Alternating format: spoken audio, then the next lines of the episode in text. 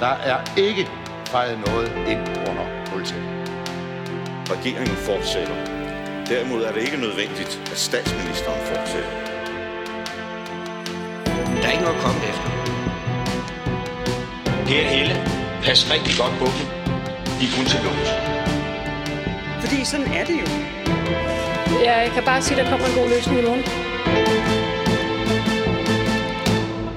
Velkommen til Ministertid, programmet, hvor en forhenværende minister interviewer en anden forhenværende minister. Mit navn er Simon Emil Amitsbøl Bille. Jeg er tidligere økonomi- og indrigsminister, men det skal ikke handle om mig. Det skal derimod handle om dig, Benedikte Kjær. Velkommen til. Tak skal du have. Har du nogensinde savnet Christiansborg, efter at du blev borgmester, i stedet for at, at sidde inde i Folketinget? Ah, jeg ville da lyve, hvis jeg sagde, at jeg overhovedet ikke savnede Christiansborg. Selvfølgelig har jeg savnet Christiansborg og alt det, der hører med. Men øh, jeg har heldigvis et rigtig godt job nu, øh, som jeg vil savne endnu mere, hvis jeg ikke havde det.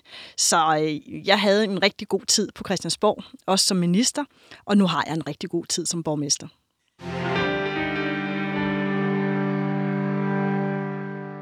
Benedikte Kjær, konservativ socialminister 2010-11 i Lars Løkke Rasmussens VK-regering.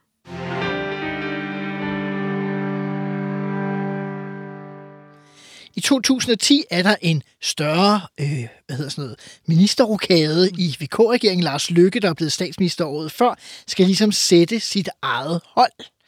Og en af de nye ministre, der kommer med på holdet, det er dig, Benedikte Kjær. Kan du fortælle om, hvordan det foregik, da du blev udnævnt? Jeg blev jo altså, jeg blev totalt overrasket. Øhm, jeg havde lige været på, øh, på ferie med familien. Vi, øh, vi har jo efterhånden i mange år været på skiferie i år, og der kører vi op, og der kører vi hjem, og vi havde kørt hele søndagen, og lander om mandagen hjemme, og skal i gang med det hele. Og jeg skulle også i gang med øh, at, at fordele poster. Jeg sad jo som øh, medlem af Region Hovedstaden og sad i, i, øh, i Danske Regioners bestyrelse, og sammen med Karl Holst, sad vi jo der og fordelte alt, hvad der var af poster rundt om i resten af det borgerlige valgforbund, eller hvordan? Yes, yes, det var det borgerlige valgforbund i, i Danske Regioner, og vi sad jo der og talte sammen. Og så, øh, jeg sad der, det er jo sådan et stort schema, for jeg havde jo også fået alle mulige ønsker fra regionsrådsmedlemmer fra rundt om i landet, Aha. altså konservative. Og, øh, og det er jo et større puslearbejde. Kæmpe puslespil, der skal lægges der. Og, og der sad vi i køkkenet, og min mand lå og, og, og sov bilturen ud, for han havde været chauffør hele vejen hjem.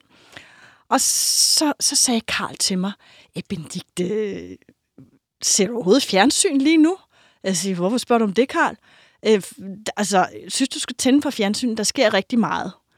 Og så tændte jeg fra fjernsyn og sagde, hold det op. Og det var jo der, hvor forsvarsministeren Søren Gade var trådt af, og, og der begyndte alt muligt med, øh, at der ville komme en ny regering og en større rokade. Og så sad jeg bare og kiggede på det. Det, det ser godt nok spændende ud. Aha. Øh, og Håbede så, I begge to? Hvad siger du? Håbede I begge to? Nej, overhovedet. Jeg, jeg nej. anede det virkelig ikke. Jeg nej, nej. så det ikke komme. Altså, nej, nej. Der blev jeg virkelig sakset bagfra. Og så gik jeg jo i gang med samtidig med, at fjernsynet øh, ligesom fik lov til at, at køre og kigge på de der poster, der skulle fordeles. Og så, øh, og så ringede Lene Espersen til mig. Som var formand for det konservative ja. Folkeparti på det tidspunkt. Og så, og så sagde jeg hej, og tænkte, hvad sker der her? Og så spurgte hun, vil du gerne være socialminister? Og jeg var fuldstændig mundlam. Altså ikke så mundlam, jeg sagde jo nærmest ja øh, ret kort tid efter, fordi det er jo, altså det gør man. Når man ja. er politisk interesseret i politisk dyr, det ved du også godt, Simon Emil, så siger man ja. Ja. Øh, og så sad jeg jo bare der, helt vildt. Øh, nu var jeg blevet øh, ringet op og blev spurgt om det spørgsmål, mange politikere håber for, på, at de får det spørgsmål, og jeg havde overhovedet ingen anelse whatsoever. Nej.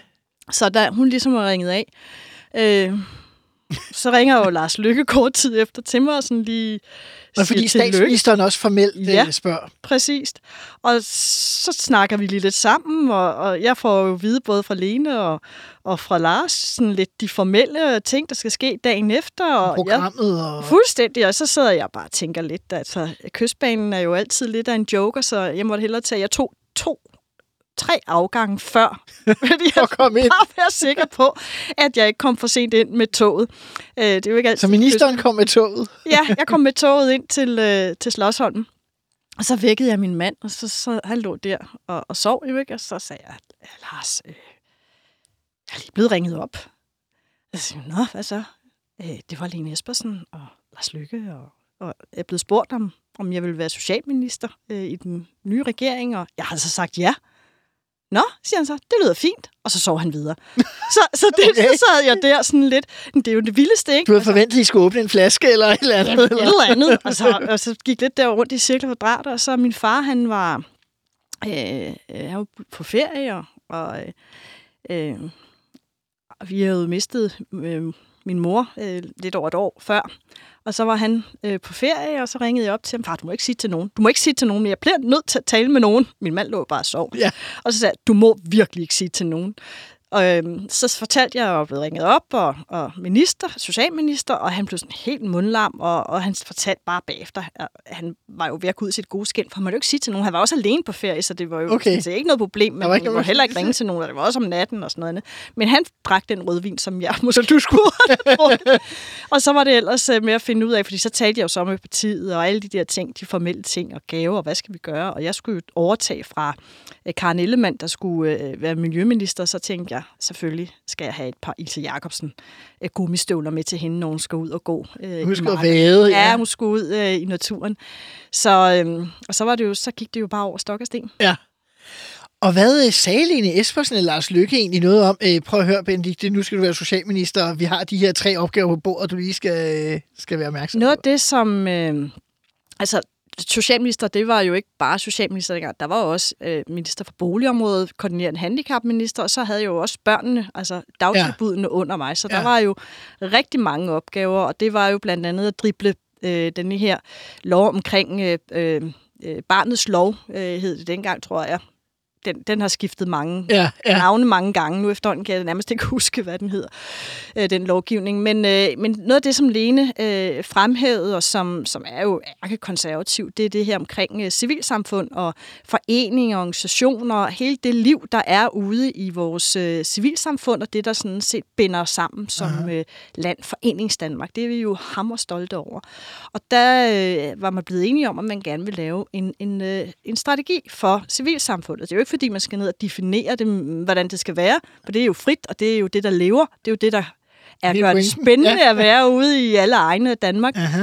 Men, men der skal jo ligesom sørges for, at der er nogle ordentlige rammer for det her, Mhm. mm-hmm. med til at fremme det, øh, fordi frivilligheden havde jo ligesom faldet lidt, og øh, den, den opgave fik jeg øh, at skulle sætte i gang, og det var, det var super spændende, Aha. og det var jo også sjovt at opleve sådan de fordomme, der var særligt hos journalister, som sagde, om det er jo sådan noget hattedame-dims.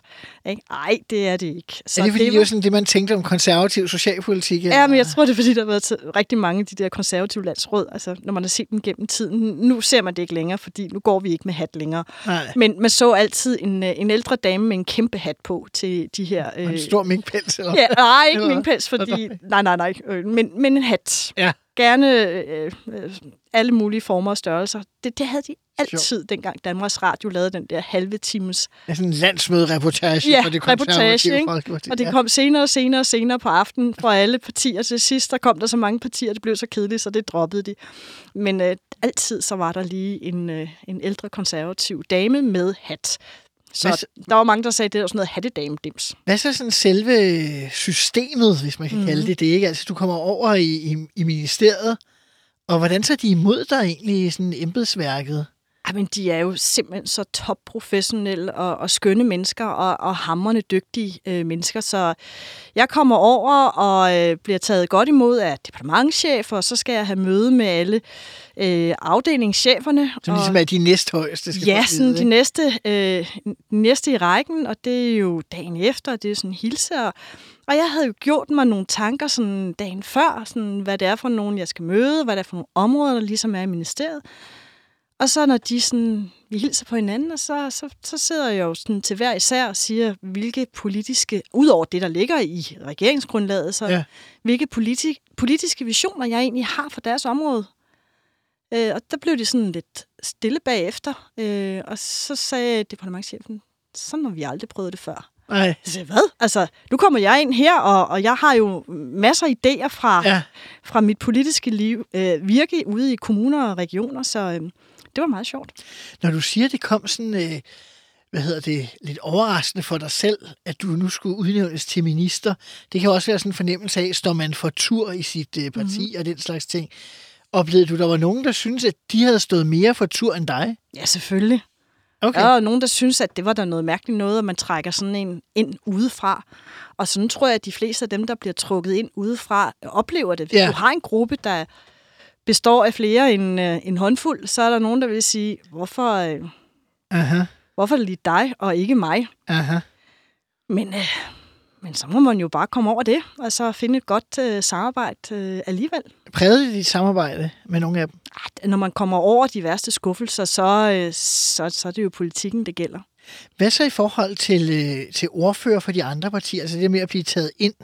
Altså hvad for en betydning havde det? Altså, Nu har jeg ikke om prøvet det andet, Nej, så det er jeg kan jo klart. ikke sammenligne. Men, men, men Men altså, det, det- der er jo selvfølgelig en nysgerrighed, og, og jeg kan da huske, at der var nogen, der sagde, at, øh, at Charlotte Sal Madsen var jo den anden, der blev taget ind udefra. Ja, også for og, de konservative, yes. der blev forskningsminister, hvad man kaldte det på det tidspunkt. Ja, det hed også noget som, ja, Ja. Øh, de skifter, de der minister, øh, ministerier, de skifter jo navne som ja. ja. muligt. Ja, ja, ikke? Nå, men, men øh, at, at der fik vi jo at vide, øh, jeg fik det i hvert fald at vide, at, øh, at, øh, at man så også lidt som det svage led i kæden. Dem skulle man bare gå efter, altså fra oppositionens side. Okay. Ikke? Så, øh, så, så får man jo en ekstra kærlig behandling. Altså, Ja, ja, ja, så nu, på den måde oplevede du, at, at ja, der oplevede jeg det. vi skal lige lære jer om, hvordan det foregår her.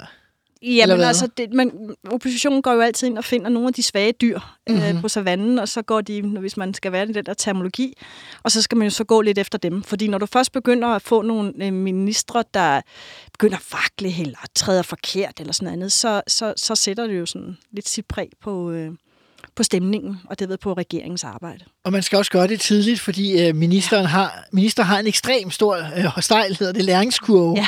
Så pludselig så ved du mere end ordførende på mange områder, ikke? Ja. Så det må du også kunne opleve, at øh, det kan godt at de kunne i starten. Ja. Så, men øh, nu stoppede jeg jo med at tage kystbanen, så sad jeg jo i bilen, og så kunne jeg sidde og læse sager og læse op, og Så du er glad for køen på Helsingør Motorvejen. Ja, nu var det som regel, vi kom afsted før den begyndte at tætne for alvor til, ikke? Ja. Men altså, jeg synes, det var... Øh, øh, jeg havde jo heldigvis rigtig meget, jeg kunne tage med øh, udefra mit øh, virke som øh, regionsrådsmedlem. Ja. Øh, og også øh, mit, mit korte bekendtskab med, øh, jeg tror, jeg nåede et, et byrådsmøde i Helsingør Kommune. Ja, du nåede at være så nyvalgt jeg i- videre. i Jeg nåede at være Ja, ja. nyvalgt. Jeg var helt frisk fra fad, og så måtte jeg så sige farvel og tak. Ja. Mm.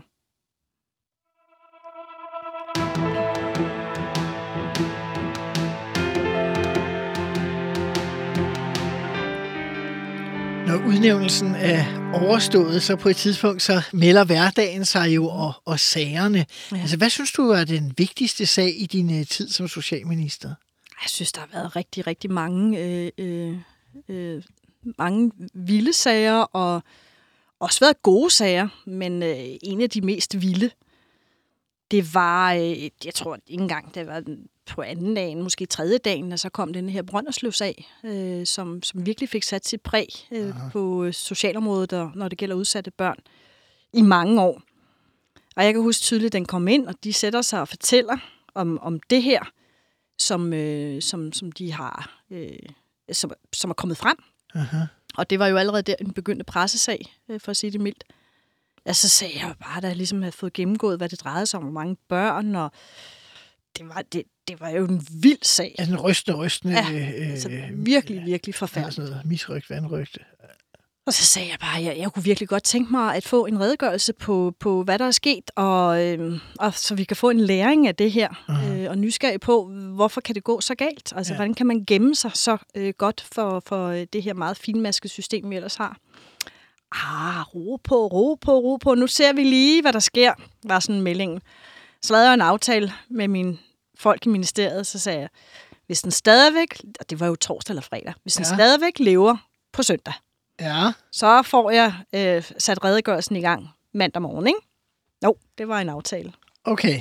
Fordi du havde godt på fornemmelsen, Ja, at det jeg her... havde bare det der, det var ikke godt. Det var rigtig, rigtig skidt. Og vi vidste jo slet ikke det, som vi, som vi ved i dag. Nej, øh, altså, det var jo kun lige var, nogle hjørner. Ja, Ja, vi, ja, vi, vi havde jo ikke nogen fornemmelse af, hvor omsorgsgribende det egentlig var. Ah, Og hvordan man, og det var der, hvor man begyndte at tale om de her nomadefamilier, som, som rejste fra kommune til kommune til kommune, hvor man ikke kunne tale ordentligt sammen øh, omkring de her. Ja, men altså, man hørte i de år i pressen om Tøndersager, Brønderslevsager og alt det her, og, og undrede sig over, at der kunne komme flere eksempler i virkeligheden efter hinanden. Mm. Og, men der var også, altså, jeg tænker, det må jo både ramme rimelig, det var ret voldsomt egentlig, at skulle være Jamen, det minister var for sådan meget, nogle, meget... øh, Altså, ja, og øh, det, sager. det er jo øh, skæbner, som, som man støder på. Lige fra de helt små til dem, som øh, er hjemløse, og dem, som øh, har det svært, rigtig, rigtig svært, og har svært ved at øh, komme godt videre. Og den her Brønderslev-sag, den øh, synes jeg viste en, øh, en meget øh, vigtig læring. Det er, at... Øh, og det er en ting, jeg har taget med mig videre også i det liv, øh, eller det arbejde, jeg har nu som borgmester, det er, at, at øh, det der med at tro, at du fikser problemerne med bare at fjerne børnene øh, fra en, en udsat familie, nej, det gør man bare ikke, fordi det bliver ved med at leve i barnet, at øh, man ikke er sammen med sin familie. Aha, og du har kun det sæt forældre, du har. aha. Du har kun den far og mor, du har. Og, og, og det bærer man med sig hele livet, og det bliver vi andre nødt til at øh, respektere og acceptere og, og handle ud fra. Og det, der var meget sigende, det var, at der var jo nogle af... af der, moren kom jo i fængsel, altså det var jo helt forfærdeligt. Aha. Men der var nogle af børnene, der søgte tilbage. Og det var der jo mange, der ikke kunne forstå. Altså, det, der var jo, det var jo så vildt, det vandrygt, som de havde været ja. udsat for børnene.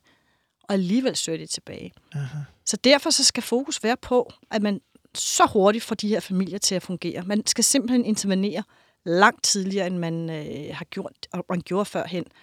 Og det er langt bedre at sætte ind. Altså, der er jo selvfølgelig grader. Der er der, Ja. hvor du simpelthen bare, der er ikke noget at gøre. Du bliver nødt til for barnets vel. Men der, det er bedre at få de her familier til at fungere med støtte og med omsorg, øh, sådan så at øh, børnene kan blive i sit nær, nærmiljø. Og det, er altså, det er jo også det, man hører lidt fra erfaringerne andre steder fra andre lande. Aha. At prøve at få de her familier til at fungere. Det er ikke perfekte familier, men det er familier. Men det er jo, der, er så også dem, du siger, er, er niveauet øh, værre, fordi af de sager, du selv tog op, da du var socialminister, det var faktisk, om der blev tvangsbortadopteret Ja. øh, i rigeligt nok omfang. Det er jo noget, Ja. Mette Frederiksen også senere har... Øh, Jamen, der, der, Har- vi har havde jo talt fået lovgivningen, Ja. og, og der er jo der, hvor det er åbenlyst. Altså, hvis du har en, som er narkoman og bliver ved med at føde børn, altså, så giver det jo ikke så meget mening, at det er svært at, at tvangsanbringe. Og det var jo en af de ting, som vi kiggede på, for den blev stort set ikke brugt, den lovgivning. aha. Og det er jo fra, helt fra tidlig, tidlig, tidlig, hvor man ja, kommer ud på fødegangen, og, og så øh, må man tage over der. Aha. Men så er der de andre, du først bliver klar over lidt senere. Og det er jo der, hvor at, øh, vi selv er meget nysgerrige i den, der, hvor jeg er borgmester på, hvad er det, der sker. Vi er tidligere på banen. Vi er kommet tidligere på banen, og vi har virkelig fået forebygget mange af de der anbringelser, som ender i en situation, hvor at... Øh, altså, nu har jeg også siddet i ydelseskommissionen, og når man ser på alle dem, som er på de her ydelser, øh, så, og, og, og ser på statistikkerne, jamen så, så kan man jo se, at dem, som er, har været anbragt, jamen de slår bare ud på, øh, på at være på offentlig forsørgelse, på at have øh, bestemte sygdomme, for at have et misbrug, for alt muligt. Aha. Så derfor så bliver vi bare nødt til at kigge ind i, måske skal vi gøre tingene på en anden måde. Og ja. der er vi jo virkelig øh, trænet os i at arbejde med denne her omkalfatring af, af, af vores indsats over for udsatte familier, og kan se, at vi har fået nedbragt antallet af anbringelser med 40 procent, men vi er også sikre på, at vi så sørger for at være rundt om familierne og gøre det bedre for børnene. Men når man som minister får sådan en sag mm. så tidligt, ja. altså du siger... Det er "Nå, stejl læringskurve." Det er stejl læringskurve, men det er jo også, at så gør man et eller andet for at løse den. Mm. Men kan man lade være med at hele tiden have en fornemmelse af, at man skal se sig over skulderen for når de næste dårlige sager? Fordi selvom det måske ikke har noget med din ministertid at gøre, Ja, ja. så hvis der kom to-tre nye sager i den ja. størrelse, så vil alle jo sige, hey, øh, Socialminister Benedikt, det her. Ja. Fy. Nej, men det der, det, altså, det, det, er jo sådan, det er jo så sikkert som, kirke, som amme i kirken.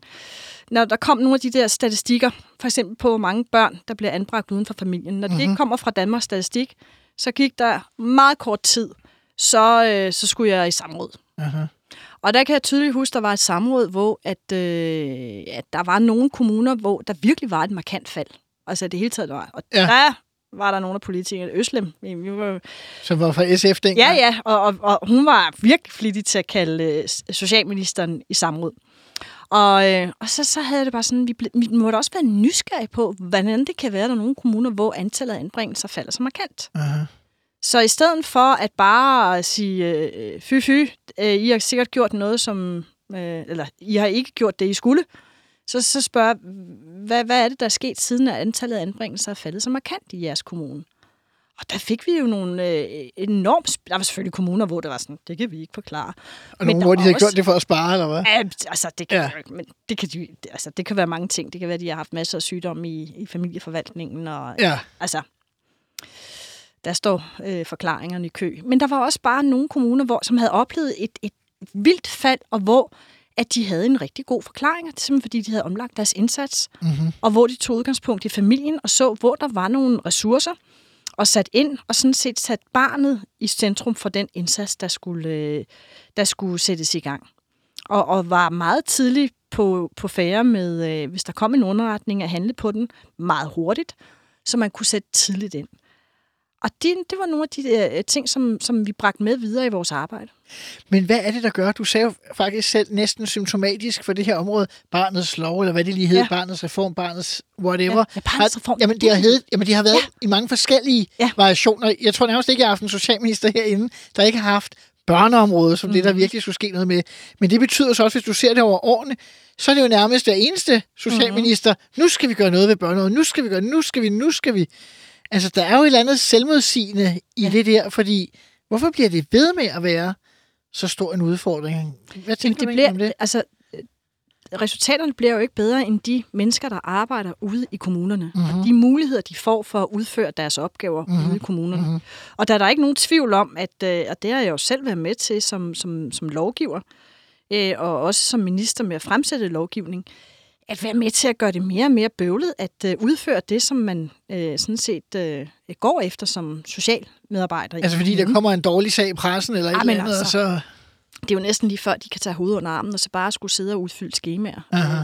Og det går jo ikke, fordi man bliver nødt til at også skabe rum for øh, innovation og nye, nye tanker og nye idéer ude i kommunerne, fordi verden ændrer sig hele tiden.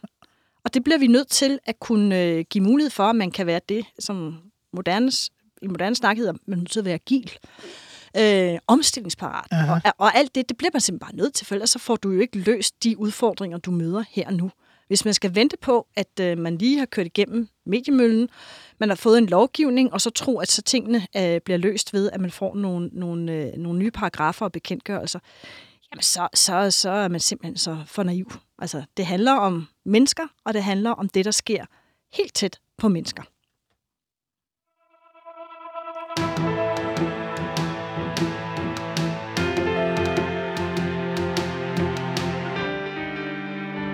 Alle de ministre, der har været igennem det her program, de har fået de fem samme spørgsmål, som jeg nu også vil stille til dig, øh, Benedikt, her. Og det første, det er, var der noget, du gerne ville have gennemført, som du ikke nåede i din ministertid? Ja, sikkert. Der var øh, rigtig mange ting, som, som jeg synes, vi havde sat øh, øh gang i. Altså for eksempel hele der på dagtilbudsområdet. Altså der har det jo bare altid øh, i rigtig mange år handlet om... Øh, altså øh, det har været sådan en meget maskulint syn, man havde på dagtilbudene. Altså, Forstået hvordan? børnehaver og vuggestuer med, at øh, det her det var et sted, hvor børnene skulle hen, så man kunne passe sit arbejde. Og det skulle være med lange åbningstider. Der måtte ikke være nogen lukkedage. Og så skulle man lave madordning, fordi så forældrene heller ikke behøvede at smøre madpakke. Er det en maskulin måde Det var at se sådan en det på? meget sådan arbejdsmarkeds maskulin måde at kigge på det, hvor at man sådan gik ind og sagde, og hvad sker der så, når børnene bliver afleveret i dagtilbudene? Aha. Sådan lidt, øh, sådan lidt mere sådan, hvad sker der så mellem barn og pædagog og alle de der ting? Ja. Det var der ikke så meget. Det var der ikke så øh, meget politisk nej, fokus det var på. der ikke så meget politisk fokus på, for at sige det mildt. Og det var derfor, jeg lavede den der med, at, øh, at jeg prøvede at sætte øh, gang i en, en, øh, en øh, debat omkring det her med, hvad sker der egentlig, når du afleverer dit barn? Mm-hmm. Og nu har vi talt om åbningstider, vi har talt om Øh, vi har talt om mm, den der for, forbandede madordning, hvor man Ja, begyndte taler at få... meget om. Ja, men altså, så gav vi så mulighed for, at man selv kunne bestemme derude. Det tror jeg var Aha. meget godt. Altså, vi, vi, der var jo de der snakker om... øh, Jeg ved ikke, hvordan du har det, efter jeg fik børn, er jeg blevet større tilhænger med ordninger, end jeg var før. Ja, men de må selv lave det. Ikke? Altså, de må selv finde ud af, hvordan de gør det derude, og hvad det er for en slags mad, og, og, og hvordan man involverer børnene. Der kunne man så give dem noget mere frihed, så, så reglerne for, hvordan køkkenerne skulle indrettes og så videre, måske kunne blive frisat noget, ikke? Ja. Sådan, så børnene også kunne være, få lov til at være med i det, så der er en læring i det her. Øhm, men, men altså, på det tidspunkt, der var det jo så rigidt, så, så der blev øh, jeg kan huske, hvad der var inden for Tyskland, der blev importeret madpakker. Det var jo helt sådan vakuumpakke. Var kommet, ja. Ja, men det var jo helt forkert. Altså, det giver jo ikke, altså, det giver jo ikke nogen værdi for børnene. Nej, nej, Det, altså, det giver jo ikke nogen læring. Nej. Nå, men ellers så var der jo ikke rigtig noget sådan, hvad, hvad er det egentlig, øh, der sker i dagtilbuddet? Det blev sådan, nærmest en black box. Øh, og, og, og så var det, jeg gerne ville sætte gang i en debat. Aha. Øh, og det kan jeg bare huske, jeg gjorde om foråret. Og der var der skete bare ikke noget. Altså, jeg prøvede jo med en sædvanlig måde, og så kalder man til, når man sætter noget i gang, og alle de der initiativer, du kender det selv, Simon Emil. Der skete ingenting. Altså, der var bare ikke nogen journalister, der løftede et øjenbryn. Og så tænkte jeg bare efter sommerferien, at vi skal jo i gang i den her debat. Det er jo mm-hmm. super vigtigt. Altså, børn starter jo ikke øh, med deres liv, når de begynder i skolen, og, og så er de bare øh, skoleklar. Altså, der er jo en tid før. Mm-hmm. Altså, faktisk rigtig vigtigt, at man er blevet mere og mere opmærksom på, hvad der er, der sker. dage og sådan noget. Ja, præcis. Det begynder man at finde ud af, hvad der er, der sker inde i altså børnenes hjerner, hvordan de bliver påvirket, og hvor vigtigt det er med relationer, og kigge hinanden ind, og, og, og, og være der for børnene med, med alt det, der skal til. Men hvad var det så, du ikke nåede? Jamen, så skete der ikke en dyt. Og så tænkte jeg bare efter sommerferien, det var lige godt pokkers. Øh, og så var det, jeg øh, tænkte, vi tager fat på en journalist fra politikken. Og så lavede jeg øh, artiklen, hvor jeg sagde, nu skal det være slut med hippie-pædagogik. Ja, så... Slut med det der øh, øh, grænseløse frie leg. Nu skal vi have en snak om, hvad det er, vi tilbyder børnene i daginstitutioner. Og så kom der gang i debatten. Ja, så eksploderede det. Det var fint, fordi det var det, jeg gerne ville have. Vi skal til at tale om, hvad der... Øh, det skulle vi dengang. Nu taler ja. vi jo ikke om andet. Det er jo skønt. Øh, men vi skulle da til at tale om, hvad der sker, når vi afleverer børnene. Det er jo ikke bare en sort En boks. opbevarings... Nej, det er jo det. Og jeg var jo helt øh, modstander af at bruge ordet pasning. Og pasningsgaranti og sådan noget. Pasning, det er passivt. Ja, fordi det virker for opbevaringsagtigt. Fuldstændig. Ja. Hvad var din ministertids værste øjeblik? Og der var, ja, udover Brøndersløs-sagen, var der ja. også en ganske forfærdelig sag på øh, et plejehjem øh, i, i Københavnsområdet. Aha. Hvor der var øh, en konflikt mellem familien og øh, ledelsen på plejehjemmet, og så fik de besøgsrestriktioner. Og, og de nåede lige, de der, de fik lov til at besøge deres far øh, meget kort tidsrum øh, hver dag. Sådan. Og de nåede heldigvis lige i deres besøgstid at være der, da han udåndede. Altså, den, den gjorde simpelthen så ondt, Aha. denne her sag. Og det handlede jo om, at, at familien synes ikke, at der blev passet ordentligt på hans far. Eller på deres far. Aha. Øh, og havde taget nogle billeder og sådan. Altså, der var virkelig konflikt på, på alle øh, fronter. Og det svarede man tilbage til familien ved at, at øh, sætte restriktioner for, hvornår de måtte komme Aha. i farens bolig. Og nu siger jeg Ja, farens Fordi det er jo hans hjem. Så. Det er jo det, man ligesom var... Altså, man havde alt for meget sådan den der institutionstankegang, øh, hvor man ligesom kunne lukke nogen ud af det, den enkelte borgers hjem. Og det var for mig enormt indgribende. For det første var der hele den her sorg ved, at familien ikke kunne være sammen med faren i hans sidste tid. Ja. Ordentligt. De nåede lige at være der, da han udåndede, men altså, hallo. Ja. Altså, der er jo også en tid før han udåndede, og det var jo en, desværre en tid, der var ret konfliktfyldt, og det er jo noget, der vil sætte sig hos dem for altid. Og så samtidig den der, øh, det der syn på ældre mennesker med, at deres hjem, altså deres bolig på et plejehjem, ikke var reelt deres bolig. Ja, Altså, fordi du er her på institutionen. Det kunne præcis, ikke være en og så var det plejehjemslederen. Ja. Så jeg så lavede den der med, at hvis man skulle indføre plejehjemsrestriktioner, så skulle vi øh, se på det med samme briller. Altså det, for mig var det lige så indgribende, som hvis du tager og fjerner et barn fra Aha. Sin familie. Ja. Så derfor så skulle det være noget, hvor at, øh, at man simpelthen tog det op i øh, kommunalbestyrelsen. Okay. Altså de organer, den Ja, måde man nu ja, gør det på. Fordi det skal, det skal simpelthen øh, politisk bestemmes, hvis man skal lave restriktioner. Hold op, der fik jeg godt nok sat gang i gaden. Altså, det var noget, de ikke kunne lide, nogle af de der øh, embedsmænd og øh, indrigsministeriet. Og de kan ikke lide det derovre, og Finansministeriet og sådan noget, der fik jeg virkelig skabt øh, rav i den, men jeg holdt fast, fordi det der, det var for mig øh, principielt. Er der noget, du er flov over for din ministertid? Altså, det, det er sikkert. Jeg er god til at komme videre. Jeg kunne godt lide at spørge, hvad er det, du står og tænker på? Jeg tænker på, at øh, altså, det er jo sådan pigeagtigt, ikke? Altså, øh, man får jo taget billeder, når man står der i de sit fine kjoler og sådan noget andet. Ja. Og der var bare en af de der, øh, når man skulle til øh, de kongelige, og der var bare en af gangene, hvor at, øh, jeg kunne godt se, at øh, den kjole sad vist ikke helt fint, eller måske, måske skulle jeg tænke på noget andet undertøj. Det var, det, det, var, det var ikke så fedt. Okay. Men, men det, jeg havde for travlt, og det hele skulle ske øh, nærmest ja. øh, sætte håret i bilen og make up'en og alt sådan noget. Altså det var... Øh, det var øh, min mand synes, det var en helt fantastisk øh, tur op til Fredensborg Slot, fordi jeg havde jeg var i, i folketingssalen, og de blev bare ved med at stille spørgsmål, og uret gik, og jeg skulle jo nå at gå ind før... Øh, Før de kongelige. før, før de kongelige ligesom, øh, øh, ja, og, og det var i, i sidste sekund. Og ja, chaufføren, han var lykkelig, fordi det blev med ekskorte. Og min mand var lykkelig, fordi det havde han godt nok aldrig prøvet før. Og jeg sad der på bagsædet og skulle prøve både at sætte kjole og hår og make op og sådan noget. Ej, jeg lignede noget, der var, altså, det var ikke kønt. Men billedet er der stadigvæk billedet er der stadigvæk. Men det er jo også... Øh, altså, jeg har engang prøvet at løbe om kap nærmest med prins Joachim for at komme, for at komme først. Så, så det, man skal jo anstrenge sig. Øh, har du lavet en revkage som minister? Selvfølgelig har jeg da det. Ja, må vi høre. Ja, ja, ja, ja. Altså... Øh... Det er jo rigtig strengt, hvis man siger det. Ja. Ej, altså jeg vil sige, at... Øh... Med hensyn til øh, boligområdet, almen boliger, det er jo noget, der også ligger mit hjerte meget, meget nært. Ja. Og, og der fik vi jo virkelig indgået en... Øh, jeg tror jeg faktisk, I var med i den her, det de kalder for den historiske boligaftale. Mm-hmm. Og en boligaftale, der rakte ordentligt frem. Ja, det mener jeg faktisk, I var. Jeg tror ikke, det har været mig, har det? Ja, men ja, det, det, det, det gav faktisk... Ja, men, altså, vi vil da gerne være med til at have Ja, ja. indflydelse. Øh, Nå, men, øh, men der vil jeg jo gerne have... Der vil jeg jo super gerne have de radikale med. Ja. Uden at have S, eller? Med S. S var, S var S. gået. De var det var gået. Ja. Altså, det er jo de politiske ting, men jeg vil virkelig gerne have de radikale med.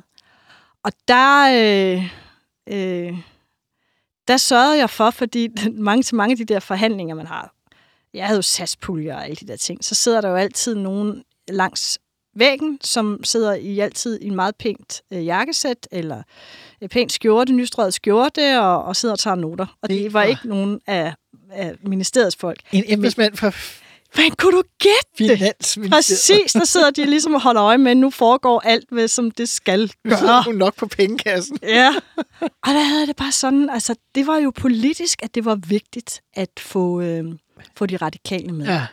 Så det var skal så- efter et eventuelt valg. Og... Ja, altså det var også bare for at vise, at den her regering godt kan lave aftaler, der er brede. Den var generelt meget kendt for at lave det hele alene med Dansk Folkeparti, Ja, så derfor der kunne det have et særligt øh, bred- formål. bredde ja, på. Ja, ja. Øhm, og, og så var det simpelthen, at øh, nærmest inden, at, øh, at de der embedsfolk kunne nå at, at håndtere tingene, øh, så fik jeg fat på øh, finansministeren. Og folk fik forelagt, øh, så det var sådan set en intern okay. Det var fik Claus forelagt, Hjort, ja, det var Claus Hjort, og, og ligesom sagde til ham, at det her, vi skal gøre det her. Jeg ved godt, at nogle af dine folk synes ikke om det. De synes faktisk, det er rigtig skidt. Og det var sådan, altså det handlede om, hvor meget man kunne bruge af, af, af Landsbyggefondens Ja. øh, midler. En klassisk diskussion. Fuldstændig en klassisk, meget klassisk diskussion. Og, og egentlig var vi først landet på et, øh, et beløb, og så øh, gik der nogle dage, og så, så blev det mindre. Det kunne jo også ske med de her embedsfolk fra, ja. fra Finansministeriet. Og jeg kunne bare se, hvis jeg skulle sørge for at få noget bredde på den der aftale, så skulle jeg have lidt mere. Og så ringede jeg bare til Claus. Claus, for filen da. Vi skal simpelthen sørge for at, øh, at have radikale med for at få skabt noget bredde. Og det synes han også. Så det var sådan set en intern revkage, fordi så havde vi jo ligesom sagt, sådan skulle det være. Men altså, det er jo nogle gange, siger man, at der er jo altid et parti mere i regeringen, end det jo officielt er, fordi Mhm. systemet også nogle gange har deres holdninger, så der snød I ligesom systemet i virkeligheden lidt. Jeg vil sige, det. at- Ja, altså, der var, vi, der var vi politikere. Det var, det var fint, fordi for os var, havde det en stor politisk værdi at få øh, noget mere bredde. Hvem var din værste kollega? Det ved jeg faktisk ikke. Jeg kan Altså- sige, det er selvfølgelig også meget direkte sagt, Ja. man kan sige på en anden måde måske. Var der nogen, der skuffede dig i forhandlinger eller lignende? Nej, altså hvis du, hvis du bliver skuffet i politik, så, så skal du ikke være i politik. Altså, det, det bliver jeg simpelthen nødt til at sige. Altså, det skal man hurtigt ryste af sig. Man kan blive ærgerlig og Så, så du øve og oplevede noget. aldrig, at der var nogen, der ikke overholdt de aftaler, du havde indgået? Selvfølgelig er der det, men sådan er det jo politik. Så skal man jo bare tage læring af det, Aha. og så komme videre. Ja. Så tage den erfaring med sig, så er man en erfaring rigere. Men hvis man render rundt og bliver skuffet over ting i livet, altså selvfølgelig kan man blive skuffet, men det, det ryster jeg mig virkelig hurtigt af mig, og så tager jeg det bare med som en læring.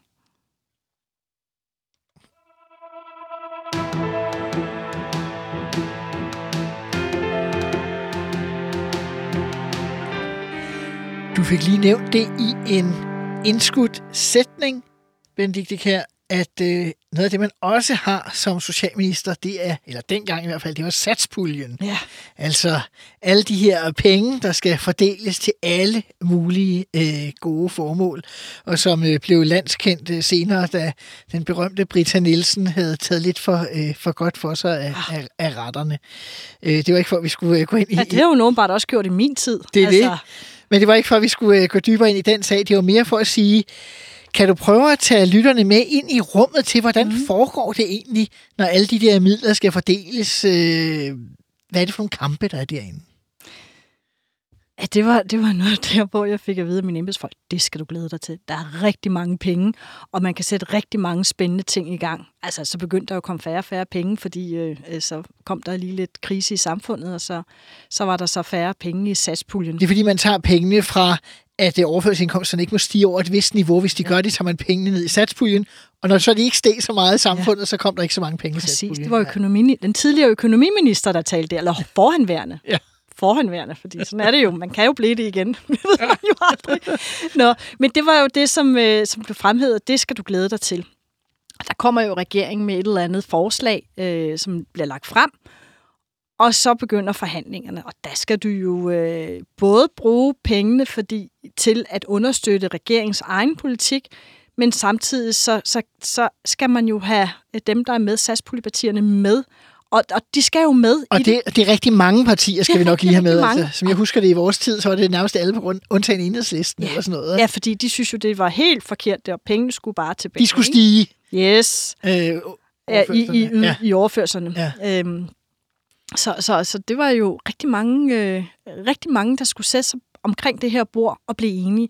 Og der er jeg jo glad for, at jeg i, øh, i regionstiden, øh, i altså da jeg sad i regionsrådet, havde sådan nogle gode lærermester som Mads Lebæk og Tidligere Per- Ja, præcis. Og, og, og tidligere borgmester i Helsingør, Per Tersbøl, og Hans Toft, også tidligere Gentofte, borgmester i ja. Gentofte. Nogle rigtig drevne herrer, som, som lærte mig op i forhandlingens kunst. Aha. Det var jo som øh, den, der skulle have noget. Og den tog jeg jo med ind i det rum, fordi politik er et håndværk. Og det gælder om at få lavet nogle aftaler, alle kan se sig selv i. Aha. Og som man er glad for, og som ikke er fuldstændig helt øh, hen i, i vejret. Der er der nogle ting, Ja, ja, de der satspuljeaftaler, hvor man tænker, Christ. Men nogle gange må man jo give noget for at få... Selvfølgelig, og der er, noget bare, der er nogle gange bare noget, der er rigtig, rigtig vigtigt for nogen. Men altså, jeg synes, vi fik landet nogle gode aftaler. Øh, Men en klassisk ting er jo det, du siger, ikke? Altså, regeringen kommer med nogle ting, man gerne vil have igennem. Og det at første, som regel er over for Finansministeriet, alt det, man gerne vil have i finansloven, det skal finansieres via satspuljen. Ja, Og der ved vi jo godt der, at... Øh, og der sidder vi jo også der, ah, damn, ikke? Men altså, du kan jo ikke få finansieret alt, hvad der er regeringspolitik. så når du sidder i satspuljen. forhandlingerne, så er der det, som du og Socialministeriet gerne vil have, og så det, som Finansministeriet Ja, gerne vil men, når have. man fremlægger det som regering, så er det jo det, man gerne vil have sammen. Det Men klart. du ved bare, at du sidder der sammen med alle mulige partier, og, øh, og det må jo heller ikke blive for tygt. Altså, Nej. at de kan sidde og sige, ja ja, flot, altså, nu spoler vi lige lidt tilbage. Og det er jo der, hvor de virkelig har travlt, de der jakkesæt mennesker, der sidder langs væggen og noterer, hvad der er, der sker i rummet. Hvad sker der så? Kan du få en, rep- en eller anden... Hvad, sk- hvis du går for langt, hvad sker der så? Bare, jeg er nysgerrig. Jeg har, det har jeg ikke prøvet øh, som minister jo i hvert fald på den måde der.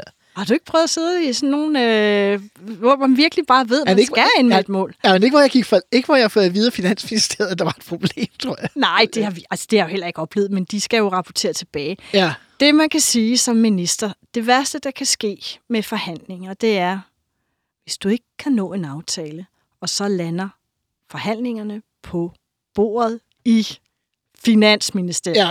Så er du ligesom... så, så er du ligesom øh, ikke rigtig bestået.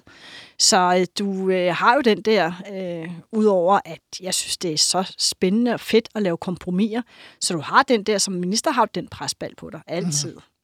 Der var også meget kritik af satspulje om, at det tit det skulle bruges til at sætte ting i gang. Hvad så, når de var i gang? Ja. Så havde man ikke midlerne, og hvad skete Ja, der så? det det. Når ja. Forhandlingerne trak længe, øh, vidste man så overhovedet, det kom næste år, skulle man til at fyre folk? Ja, man kan jo bare se lige her nu, hvor regeringsdannelsen ja. har taget så lang tid, og det har jo betydet, at der er nogle af de organisationer, selvom du ikke har satspuljen, så lever de af nogle puljer. Der, lever, der er stadigvæk lidt puljer Ja. derude. Så lever de af puljer, de løber tør øh, for penge, når puljen løber ud, og så, øh, hvad så? Skal de fortsætte, eller skal de dø, øh, de tilbud? Og der er jo virkelig nogle organisationer, hvor de gør et fantastisk stykke arbejde, hvor de er ude og fyre mennesker, øh, og det er ganske forfærdeligt. Så, øh, så man siger, det der saspulje øh, ræs, altså det er nok meget godt, at, øh, at det ikke er i som, sådan en omfang, som det har været førhen.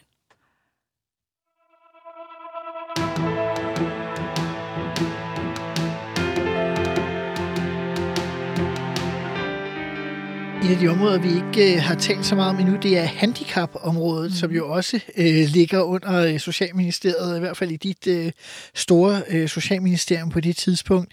Øh, jeg har bare tit tænkt, når man ser på, på, på de områder som politik, det er jo et svært område mm. at sige nej til. Det har jeg også selv prøvet som socialordfører. Altså, der kan jo altid gives flere penge, og man skal jo hjælpe, og man skal sørge for, at folk får de muligheder som andre osv.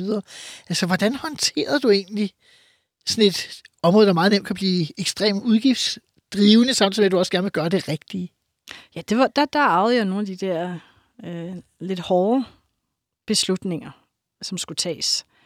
Handle betaler lovforslaget, som handler om, at øh, førhen var det jo sådan, at når du havde fundet et sted til en borger, uden for kommunen, så røg handlekompetencen også til den kommune.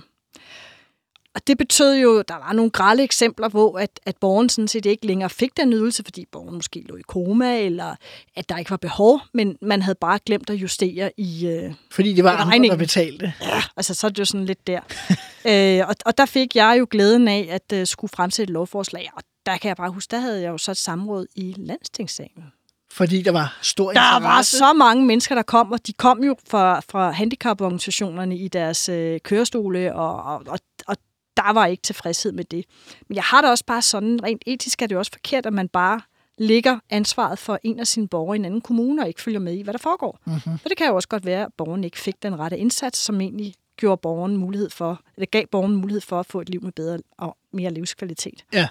Det var det ene øh, lovforslag, der var lidt hardcore. Og det andet, det var også øh, det her med øh, øh, øh, tabt arbejdsfortjeneste. Ja, Hvor man en klassiker også. det var også en klassiker, hvor man førhen øh, fik øh, det, som man sådan set tjente før.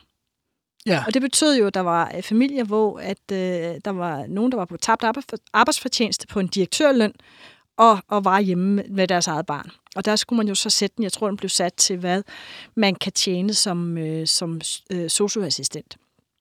Uh, det gav også en del ballade. Aha. Øh, Så det var jo sådan nogle af de der, og det var jo fordi, jeg var socialminister i en krigstid. Ja. Ja. Altså, øh, det var finanskrisen. Ja. Altså, det var, det var ikke sjovt.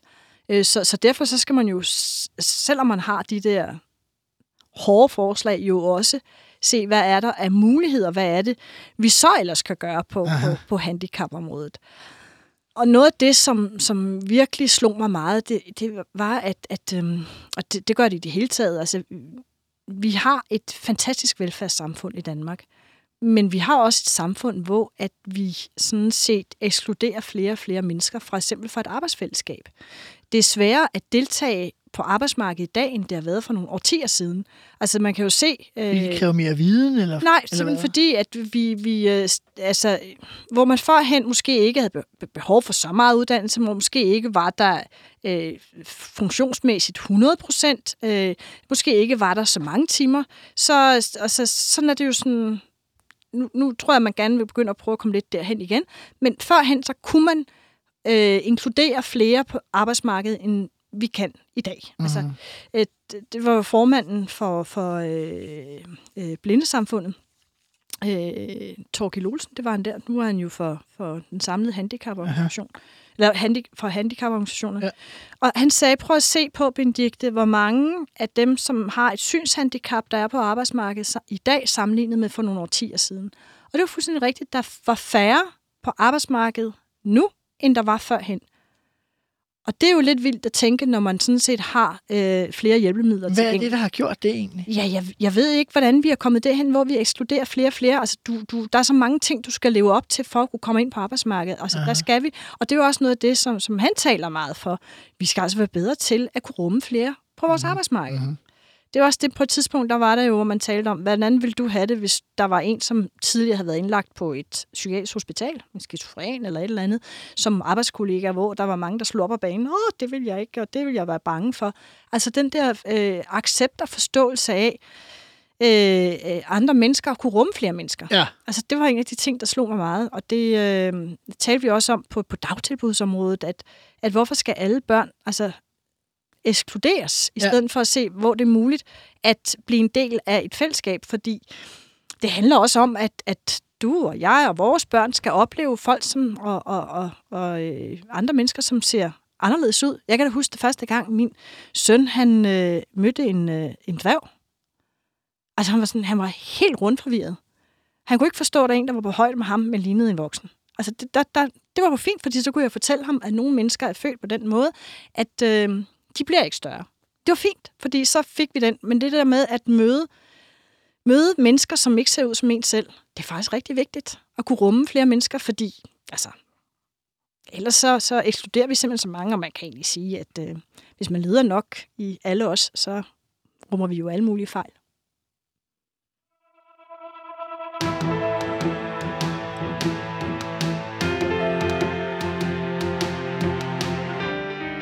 Siger, at intet var evigt, Benedikt her, og det gør heller ikke en ministerpost jo. Og i 2011 er der jo så folketingsvalg igen.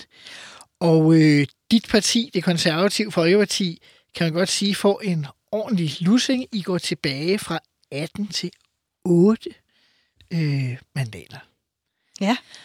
Øh, hvordan oplevede du det? Jeg kan huske, at jeg har jo stillet op til rigtig, rigtig mange øh, øh, valg før, eller rigtig mange, tre valg. Det var jo rigtig mange, sådan, hvor jeg ikke var blevet valgt. Og så var det jo så, at jeg blev valgt ind som regionsrådsmedlem og i en kommune, og så kom jeg jo rigtigt i Folketinget. Ja. Jeg stillede jo op til Folketinget og kom rigtig ind. Og det var jo noget, jeg havde arbejdet på i 10 år. Ja. Og øh, det burde jo have været en festdag. Og jeg kan bare huske, at jeg stod på, jeg bor jo i Helsingør, og der har vi jo masser af vand rundt omkring, og der stod jeg sådan og kiggede ud over vandet. Og så, øh, øh, så begyndte jeg bare at græde. Fordi det, du har bare har gået efter i rigtig, rigtig mange år, det blev bare ikke sådan, som du havde drømt om. Og vi stod i en situation, hvor vi havde otte mandater, de røg så ned på seks over valget efter. Gang efter, ja. Men, men det var simpelthen, altså, det var jo forfærdeligt. Ja, det er jo også et mærkeligt øh, dilemma, eller hvad man skal sige, fyldt, øh, at du bliver valgt øh, til Folketinget for ja. Første gang, samtidig med, at dit parti bliver decimeret til det dengang dårligste valgresultat nogensinde, og du har været taget ind udefra som minister, og den regering, som du er en del af, har pludselig ikke et flertal bag sig længere. Det er godt nok nogle... Øh, Det var den, øh, altså det kan godt være, at den her valgkamp, vi lige har været igennem, var forfærdelig. Men det var også bare forfærdeligt dengang. Vi, vi anede jo ikke, altså det, det, jeg husker tydeligt det der billede, hvor at øh, Lars Barfod stod og, og, og, og, og gav hånd til Margrethe Vestager. som var henholdsvis en daværende leder ja. Af de konservative og de radikale, og Lars Barfod er justitsminister på det vidste jo tidspunkt. ikke noget.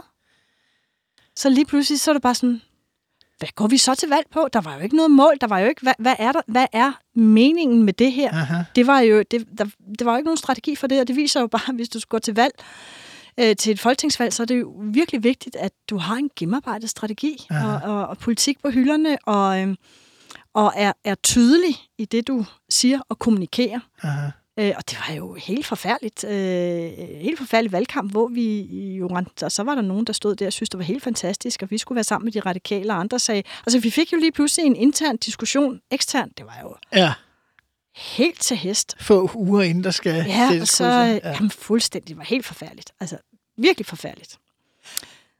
Og så stå der og komme ind, og ikke længere øh, være et, et, et, et, et, en mellemstort parti. For det er man jo ikke, hvis man... Jo, jo, I var i præsidiestørrelse og den præcis, slags. der alt det der, største. ikke? Alt det, der Ja, ja. følger med, og den der selvforståelse. Altså, det var jo et chok. Og du, øh, man kan sige, det er jo meget tydeligt på aftenen, kan man sige, at du skal holde op som minister, fordi øh, ja, Ja, ja. ja. de røde partier havde fået flertal, så der var ligesom ikke så meget at rafle om. Øh, kan du, hvordan husker du øh, afskeden overdragelsen? Du fortalte, hvor festligt det var, da du overtog det fra Karen Ellemann. Øh, nu skulle du aflevere det. Ja, jeg skulle aflevere til, øh, til øh, øh, Carsten Hansen. på bolig. Ja, på boligområdet. Ah, Og hvad, øh, Karen Hækkerup øh, på Ja, social? det var fint nok. Ja. Altså, hun var super fin, og, og, og, og, øh, men han var jo sådan lidt øh, onkelhumor og sådan noget andet. Og han sagde forkert i dit navn, tror jeg endda. Ja, det gjorde han vist også. Kaldte dig Henriette Jette Kjær. Ja, men tror jeg. det, Ja. det, det, jamen, det var... Ja, det havde jeg ellers glemt. Jeg, beklager, Øh, jeg, har jeg læst lidt, jeg, har, jeg har læst lidt op, inden Ja, ja, jo ikke? præcis, Det var jeg kunne huske på det. Pinligt, altså. Ja. Øhm, så det var jo, altså, det var mærkeligt, ikke? Fordi nu skulle man lige pludselig øh, sige farvel til et hus og nogle mennesker. Nå, Jeg kunne være der i halvandet år, men Aha. alligevel, det har været nogle mennesker, man har været sammen med rigtig, rigtig meget. Øhm, og jeg har stadigvæk kontakt til, til nogle af dem, fordi man er så tæt. Så det var det jo der en omvæltning, og så var det også en omvæltning at komme ind i Folketinget. Og vi havde jo en folketingsgruppe, hvor vi havde rigtig mange eks-ledere og en nuværende leder. Så det var jo også bare, altså, det, der var jo ikke den der, som når du, når du enten har været, altså, vi har jo ikke været i opposition i 10 år eller sådan noget, ikke? Altså, Ja, ja. det var enormt svært for os at finde øh, ben at stå på. Det, Det var, var det. nederlaget stund. Kan du huske øh, sidste gang, du går ud af Socialministeriet, da du er afgående? Eller er det fortrængt sig? Ja, jeg synes, det var svært, ikke? Ja. Det var, det, jeg, jeg var ked af det, fordi der var nogle mennesker, du virkelig holder meget af, som du ikke er sammen med på mm, længere. Øh, og egentlig havde jeg besluttet mig for, at jeg ikke ville være socialordfører, men det blev jeg så alligevel på et tidspunkt. Og det var sådan set meget rart at komme tilbage igen. Men egentlig havde jeg besluttet det, fordi der er heller ikke noget værre for en minister at have en eks-minister Nej. i ordførerkredsen. Ah, uanset om det er fra ens øh, øh, regeringskoalition, eller om det er en modpart. Ah. Øh, men, men det gik egentlig meget fint.